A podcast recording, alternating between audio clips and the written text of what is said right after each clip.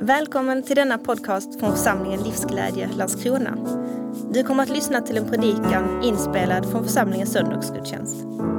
Vi uppmuntrar dig att efter predikan stanna upp en stund för att fundera närmare på hur din vardag kan formas av Gud. Du kan få hjälp av frågor till eftertanke som du hittar på församlingens hemsida under fliken predikan. Så välkommen att ta del av vår gudstjänst.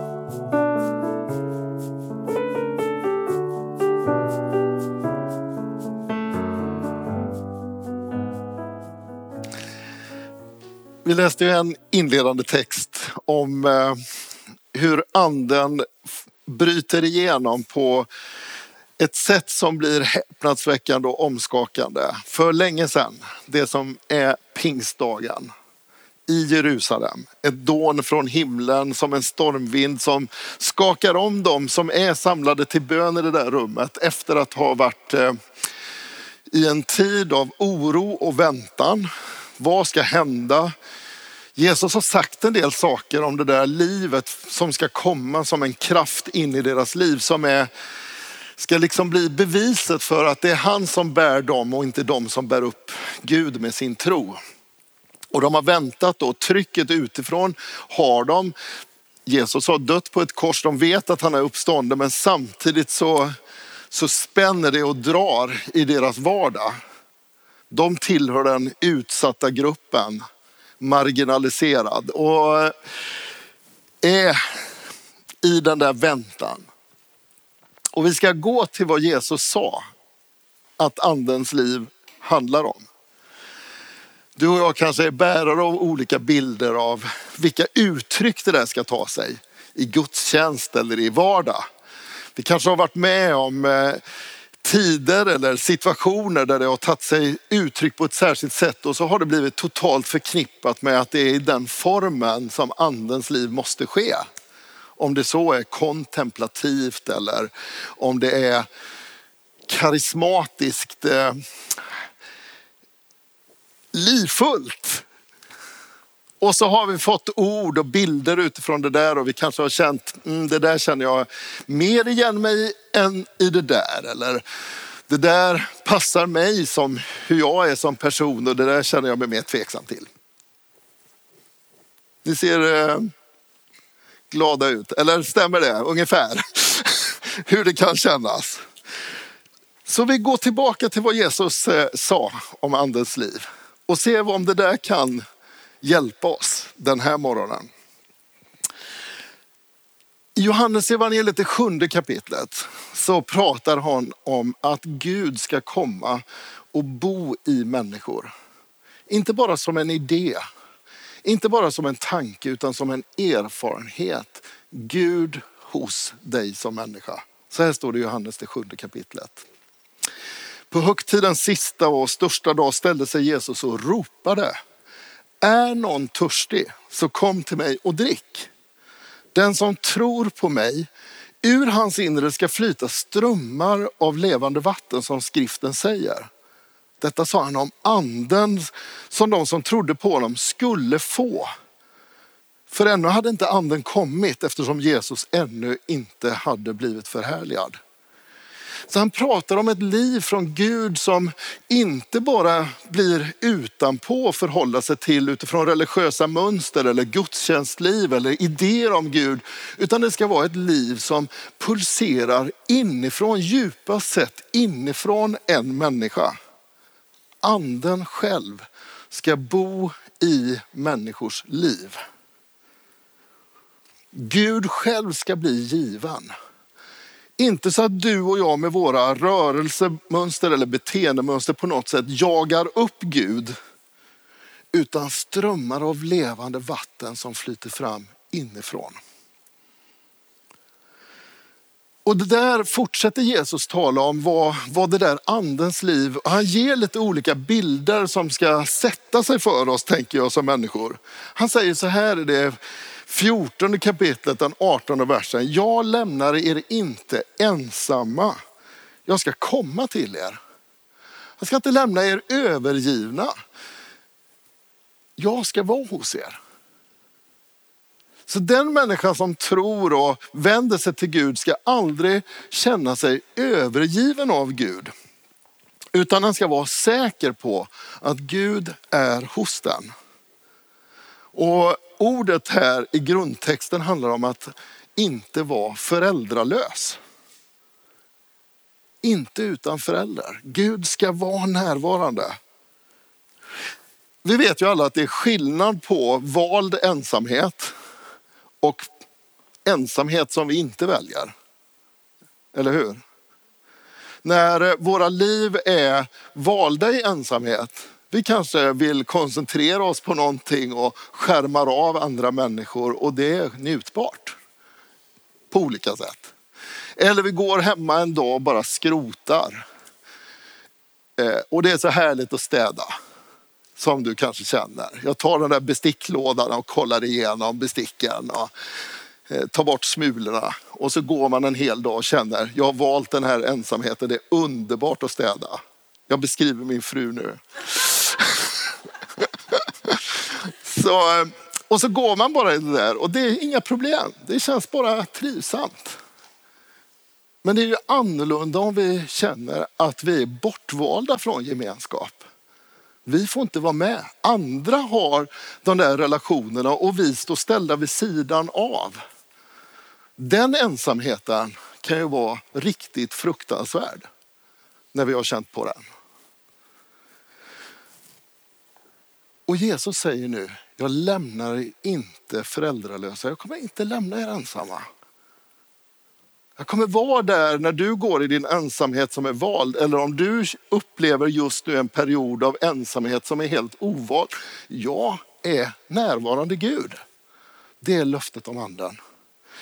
En Gud som går där med oss, är hos oss, alltid hos oss, alltid närvarande. Som hjälper oss att förstå, vi är älskade av Gud. Jesus fortsätter i det 14 kapitlet och säger, men hjälparen den helige ande som fadern ska sända i mitt namn, han ska lära er allt och påminna er om allt som jag har sagt er. Frid lämnar jag kvar åt er, min frid ger jag er. Jag ger er inte det som världen ger. Känn ingen oro, tappa inte modet. Känner du att det som våra omständigheter runt omkring oss, livet som människa kan fylla dig och mig med ganska mycket oro emellanåt. Det som händer i vår värld, i vår närhet. Eh, det kan vara i samhället runt omkring oss, det kan vara i de nära relationerna, det kan vara i väntan förhoppningar som inte har infriats, i brottningskamp i olika situationer. Känslor av oro kommer till oss som människor, eller hur? Och Jesus säger, anden. Anden kommer för att vara där med sin fridfulla, trygghetsskapande närvaro.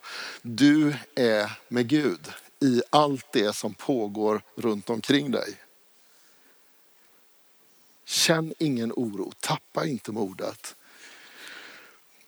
Att anden är där med sin bärkraft, anden som aktivt närvarande. Och så talas det om frid här, att det är frid som lämnas kvar. Och jag tänker andens liv, andens närvaro, Guds närvaro i livet, det sätter olika avtryck, sätter igång saker som, som ger en annan ton för livet. Och här säger Jesus ordet frid. Och i Galaterbrevet, i femte kapitlet, där Paulus några år senare sammanfattar liksom, vad är det för liv från Gud han anar i de där gemenskaperna som kommer med. De troende som, som öppnar sina liv för Gud och har välkomnat anden. Vad är det han ser där? Ja, men han ser ju att andens liv bär frukt med sig. Det ger smak av vem Gud är. Och han lägger till flera ord utifrån frid och säger, kärlek, glädje, tålamod, vänlighet, godhet, trofasthet, ödmjukhet och självbehärskning. Återigen beskrivningar av min fru. Andens liv sätter avtryck i vår vardag. Det, det ger smak av vem Gud är. Det träder fram. Och du och jag kanske inte alltid känner igen oss i alla de orden varje ögonblick av liv. Har du bränt av någon gång? I ilska, upprördhet, under press. Det kanske finns massor med orsaker eller du fattar inte själv orsaken till varför det händer. Och vi kan ju ställa de där sakerna mot varandra och känna väldigt dåligt samvete och tänka Gud finns nog någon annanstans än hos mig. När det där tar plats. Se nu en stund till den stora bilden och inte alla enstaka ögonblick. Andens liv sätter avtryck hos dig och mig. När vi umgås med Gud, öppnar oss för honom, firar gudstjänst, ger plats för Gud. Det sätter avtryck. Och ibland känner vi hur det sliter och drar mellan liksom två olika poler. Och då är det en upptäckt av att vad är det nu för riktning jag vill ta när jag ser det? Till Gud eller från Gud? När jag ser det där träda fram som inte stämmer med de här orden så vill jag säga Gud, kom i ditt liv för jag behöver det så väl nu. Låt den där pulsslagen från dig, strömmarna av levande vatten få flyta fram in i den här situationen. Var närvarande Gud. Och så säger Paulus i den där texten, mot detta vänder sig inte lagen. För det där var ju kritiken mot Jesus. Att hans sätt att visa på hur Gud var, att peka på andens liv och ge plats för det, i den gemenskapen som var runt honom. Ja, men vi känner till namnen på elva stycken lärjungar som var män och vi känner till namnet på en fem, sex av kvinnorna som var lärjungar i den där närmaste kretsen när vi läser evangelierna. Och så ser vi att de var 120 stycken samlade på pingstdagen i väntan som ingick i den kretsen, både kvinnor och män. Vi vet inte vad alla de hette, men människor som har vänt sina liv till Gud och öppnat sig för dem. Och, och när han rör sig genom landskapet Jesus och in i olika byar och predikar om hurdan Gud är och vad Gud vill. Så är det jättemånga människor som säger det sättet Jesus och de här gänget runt honom lever på, det bryter mot Guds regler och lagar. Och så säger Paulus nu, ja, vi säger 20 år efter, jag vet inte. Jag borde ha kollat på det, men 20-30 år efter. Han säger, när han tittar på de där gemenskaperna som fortsätter tro på Jesus, så är ju allt det som växer fram i relationer, i gemenskap, i blick för varandra. Ja, det är stökigt emellanåt. Läser vi breven så ser vi att det krockar emellanåt. Men den stora bilden som han målar, det, det växer fram något fantastiskt här. Av liv från Gud. Som visar på att det här krockar inte alls mot lagen. Det kännetecknas av vad lagens syfte var, det som händer i de här gemenskaperna. Kärlek, frid, tålamod, självbehärskning. Det är någonting av Gud som växer fram i de här gemenskaperna där människor, precis som pingstdagen pekar till, från alla folk, språk, stammar, etniciteter, skiljelinjer mellan män och kvinnor. Vid den här tiden, har ni hört mig säga förut, så är männen i samhället de som räknas med. Medan kvinnorna räknas till hälften av män. Deras röster räknas inte med i samhället. Så blir det rättegång om en kvinna ställs mot en man i den rättegången så väger mannens ord tungt medan kvinnans ord läger till intet så säger mannen en sak att det var detta som hände och kvinnan säger tvärt emot och det i fakta är sant så är det mannen som går fri därifrån. Samhället är präglat av olikheter. Det romerska samhället och grekiska samhället det är i en hierarki från kejsaren ner till minsta barn. Och i den hierarkin så är det husfadern som bestämmer allt i hemmet. Och där finns det slavar, där finns det män, där finns det kvinnor i den gemenskapen. Och det är ägaren till hemmet som bestämmer ordningen som gäller där. Allting handlar om hur den mannen bestämmer över saker och det är lagligt rätt. Han kan gå in till en kvinna som är slav och ligga med henne och göra henne gravid. Han kan sälja henne nästa dag och han kan slänga barnet på soptippen som blir fött i den relationen. Han bestämmer. Och i det samhället så växer det fram gemenskap med människor som säger Gud formar våra liv. Han möter oss med blick som inser att vi alla, oavsett vad samhället har lärt oss, är älskade av Gud. Män, kvinnor, slavar, fria, barn. Och när du läser i Nya Testamentet, när den säger någonting i breven till män och kvinnor om hur de ska leva sina liv i äktenskap och hur det ska äga rum livet i de där relationerna. Så kanske vi tycker att det låter lite gammaldags och mansdominerat en del av de texterna. Men läser du dem med blicken av hur samhället ser ut så kommer du upptäcka att Paulus när han skriver till de troende så tilltalar han alla som vuxna och levande och själva beslutsfattande över sina liv. Han talar till kvinnor på lika villkor som män. Han talar till slavar på samma villkor till, som till deras ägare om att de är syskon i Herren. Skakar om hela samhället. Och Paulus säger, här ser vi tecken på vem Gud är. I alla de krockar som uppstår, vi ser vem Gud är. Ja, men nu gick jag igång, det här är sidospår. Men eh, hörni, självbehärskning, back to manus. Självbehärskningen, friden, tålamodet som växer fram visar på det som händer när anden får ta plats i mänskliga relationer. Det krockar inte mot lagen, det krockar inte mot vad Gud har tänkt från början. Och det som människor då runt Jesus reagerade på, det var det hade hänt något i Israels historia. Gud hade talat om vad han ville. Vad han sa var viktigt. Han hade pratat om att ge plats för Gud i sin vardag genom att låta en dag i veckan bli en särskild dag av att vara uppmärksam på Gud. Att Gud var en och den eh, Gud skulle man tillbe öppet och glatt och med förtroende. Och sen så pratar han också om, om att det där påverkar mänskliga relationer. Var trogna mot varandra i de relationerna ni står i. Ljug inte, skäl inte, döda inte. Ha inte habegär efter vad andra har. Han skapar liksom ordningar och berättar hur mänskligt liv går till när Gud får vara i centrum. Och så är det någonting som händer vart efterhand historien går. Att en del människor tänker om nu Gud är så helig att ingen ondska ryms i hans närvaro. Då blir det ju superviktigt för oss att göra saker på rätt sätt.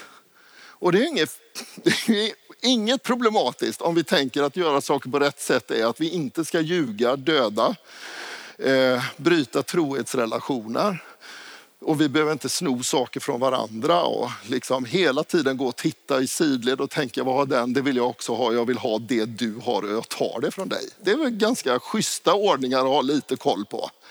Men efterhand så händer det någonting steg för steg. Att man blir liksom mer och mer rädd för att göra fel i förhållande till Gud. Och det finns religiösa riktningar som har utvecklat det in i detalj och, och plockar ut Ja, men om han säger så, så är det, jag tänker att det går till ungefär som när ni var barn och frågade, hur funkar det med detta? Ja, men det funkar på det här sättet. Ja, men hur funkar det?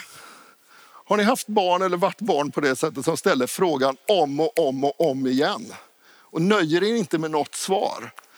Har ni varit föräldrar eller vuxna i den relationen? Hur funkar världen? Ja, men jorden är rund. Ja, varför är jorden rund? Ja, men det... Ja. Till slut står man där och vet inte vad man ska säga och då säger man det bara är så. Och så är, tänker man nu är det bra och nu blir vi nöjda med det.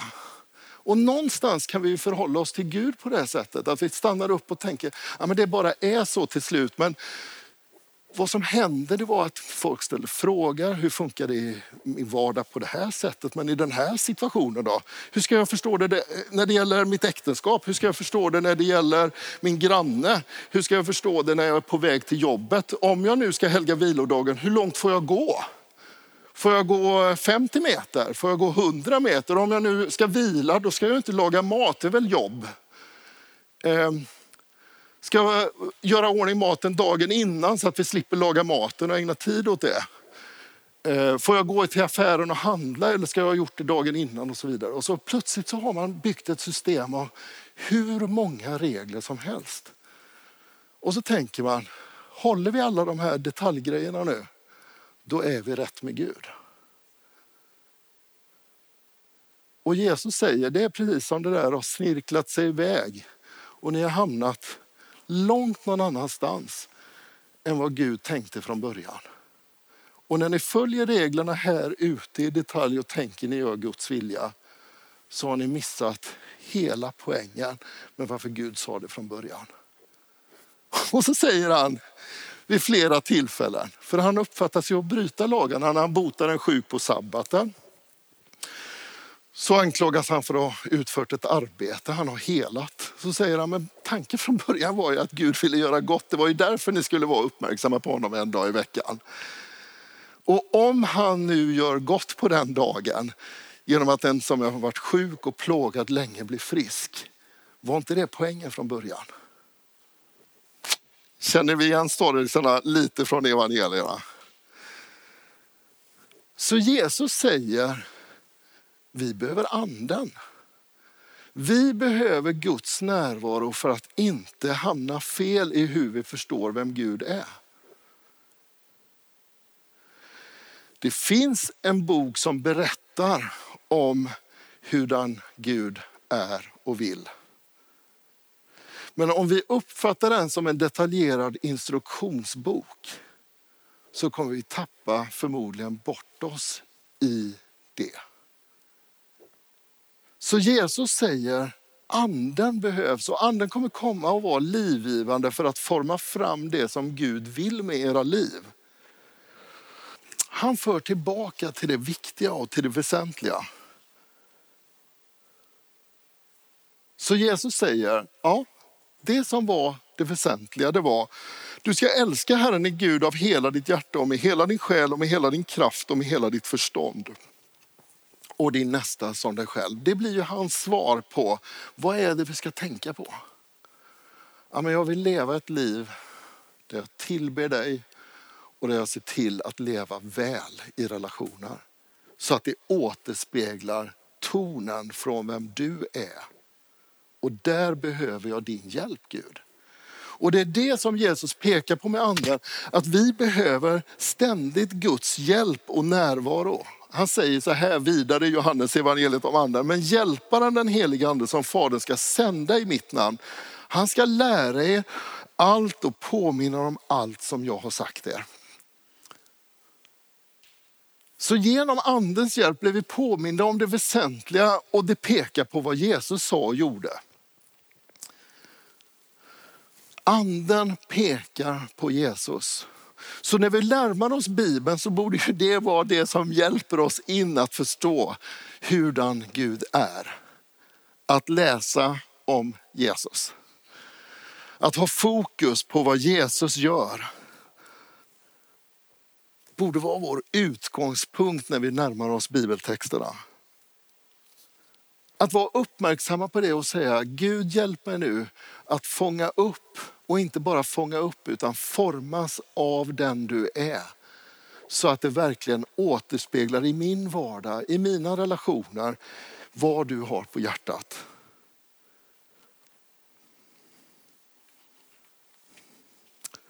Om vi närmar oss Bibeln som jakten efter instruktionerna för alla detaljer så riskerar vi att gå vilse.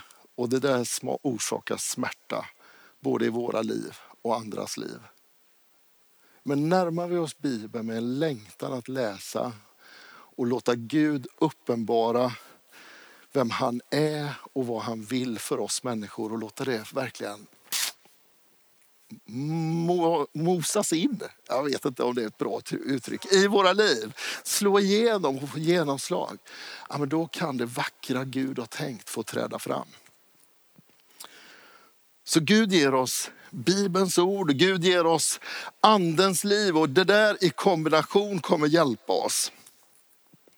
Så anden pekar på Jesus. Johannes evangeliet. vi ska strax gå in i målgång. Men när anden kommer, sanningens ande, ska han vägleda er med hela sanningen. Han ska inte tala av sig själv, utan förkunna det han hör och låta er veta vad som kommer att ske. Han ska förhärliga mig, ty av mig ska han ta emot det han låter er veta. Anden pekar på Jesus. Och utifrån det får du och jag bli delaktiga i vad han gör i vår värld. När hjälparen kommer som jag ska sända er från Fadern, sanningens ande som utgår från Fadern. Då ska han vittna om mig. Också ni ska vittna, till ni har varit med mig från början. Och här hittar vi essensen i vad som händer på pingstdagen. Anden kommer, ge det där pulserande livet av närvaro så att den närvaron berör de som tar emot och genom dem blir de delaktiga att låta den här världen bli berörd av vem Jesus är.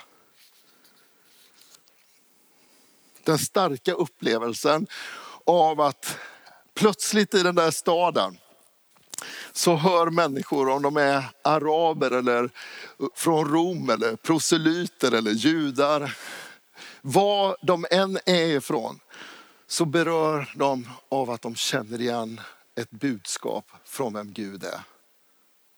Evangeliet på alla språk blir tillgängligt. På deras hemspråk. Och det är väl andens livgivande på ett fantastiskt sätt. Det är att anden blir närvarande så att du och jag också kan ta emot det på vårt språk utifrån vår uppväxt, utifrån våra liv hittills, vad vi har varit med om som människor, var vi är födda någonstans. Anden är tillgänglig. Livet från Gud kommer till där vi är.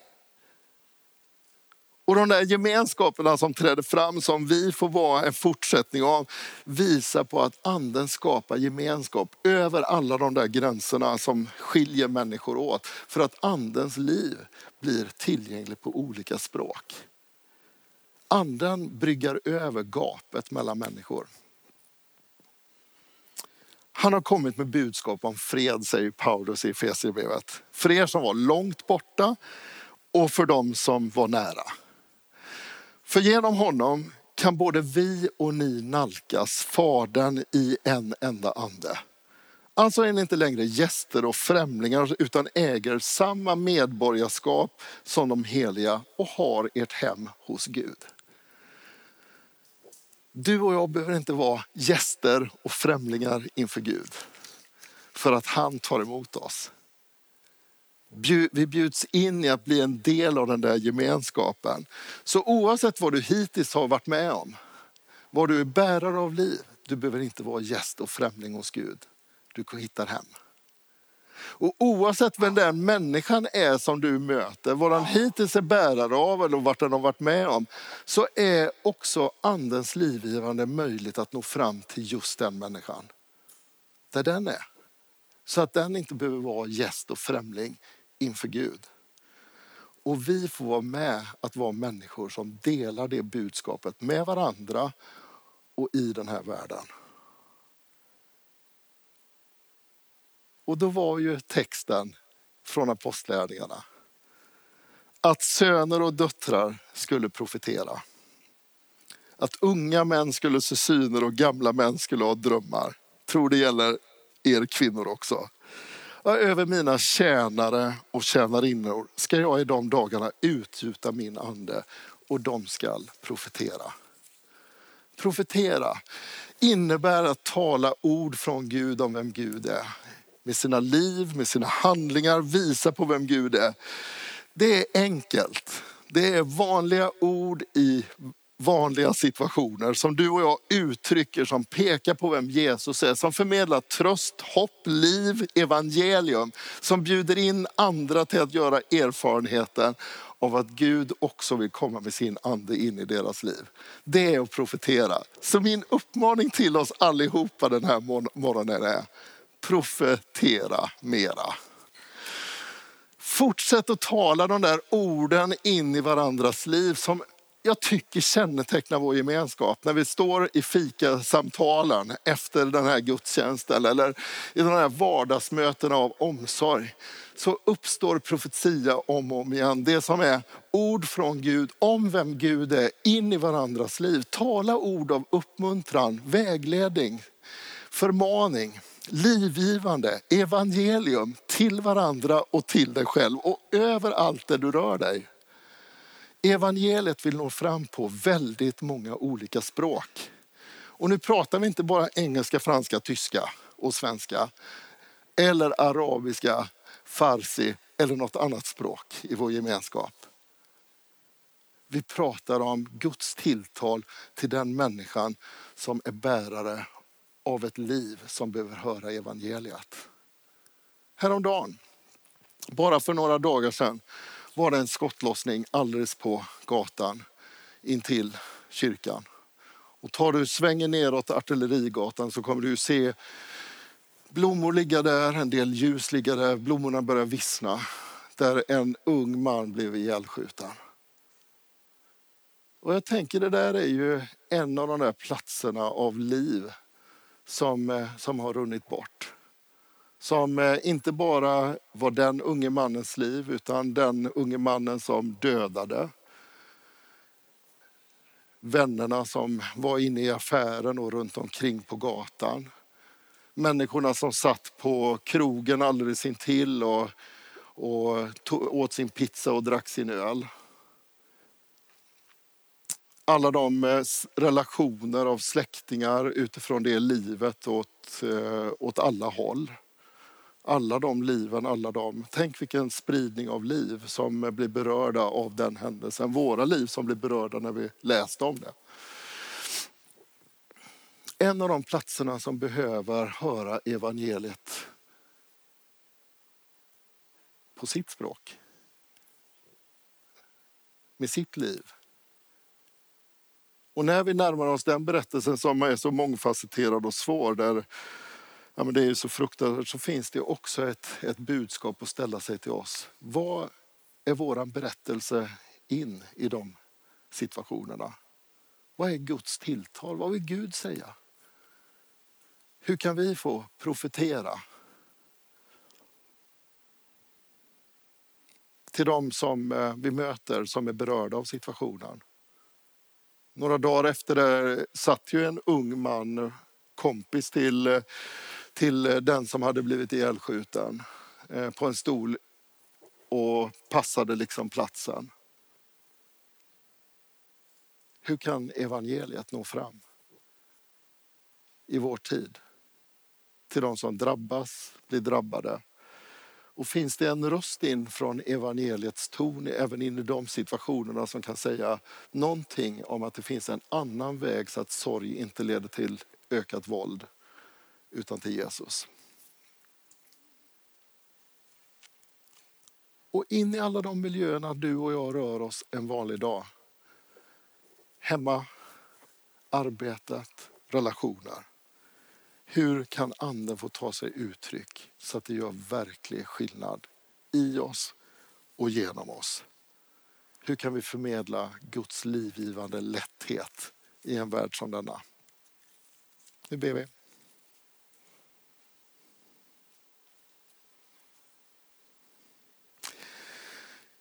Heligande, vi ber, kom. Kom till oss som behöver dig. Dra in med din kraft och ditt liv och din lätthet över våra liv, Herre. Vi som behöver dig. Tack för att du villkorslöst har öppnat famnen och vägen hem. Så att vi inte längre behöver vara gäster och främlingar i den här världen i förhållande till dig, utan har vårt medborgarskap hos dig. Får vara tillhöriga dig Även om vi famlar på olika sätt och inte riktigt vet var vi är någonstans eller på väg någonstans så får vi alltid leva med förvissningen. Hos dig är vi hemma. Så andas din andes liv på oss så att vi aldrig tappar bort det Gud. Att strömmar av levande vatten flyter fram även i vårt inre. när vi har de där dagarna där det sliter i våra liv och vi inte riktigt vet vart vi är på väg någonstans, när vi är fyllda av oro eller vi far ut i vredesutbrott eller vad som än pågår, så kom du med din livgivande närvaro och strömma igenom oss. Så att det som är ditt liv får ta över av frid, tålamod, självbehärskning, kärlek. Kom till oss med tröst Herre när vi behöver det och vi ber Gud att du strömmar igenom i vår gemenskap så att det inte stannar vid oss Herre. Du som har bryggat över gapet mellan oss människor och att vi får vara något av ett tecken på det där och att våra liv får återspegla något av det där i vår gemenskap. Så ber vi, låt det också brygga över gapet mellan människor i den här världen. Låt ditt rike komma på ett sådant sätt Jesus att människor hittar hem hos dig och in i varandras liv. Hjälp oss att profetera mycket mera. Dela med oss av ord om dig, om hopp, liv, evangelium, tröst. Hjälpa varandra fram till vem du är Jesus. Och lär oss olika språk för det. Så att vi möter människor med de språk de är bärare av.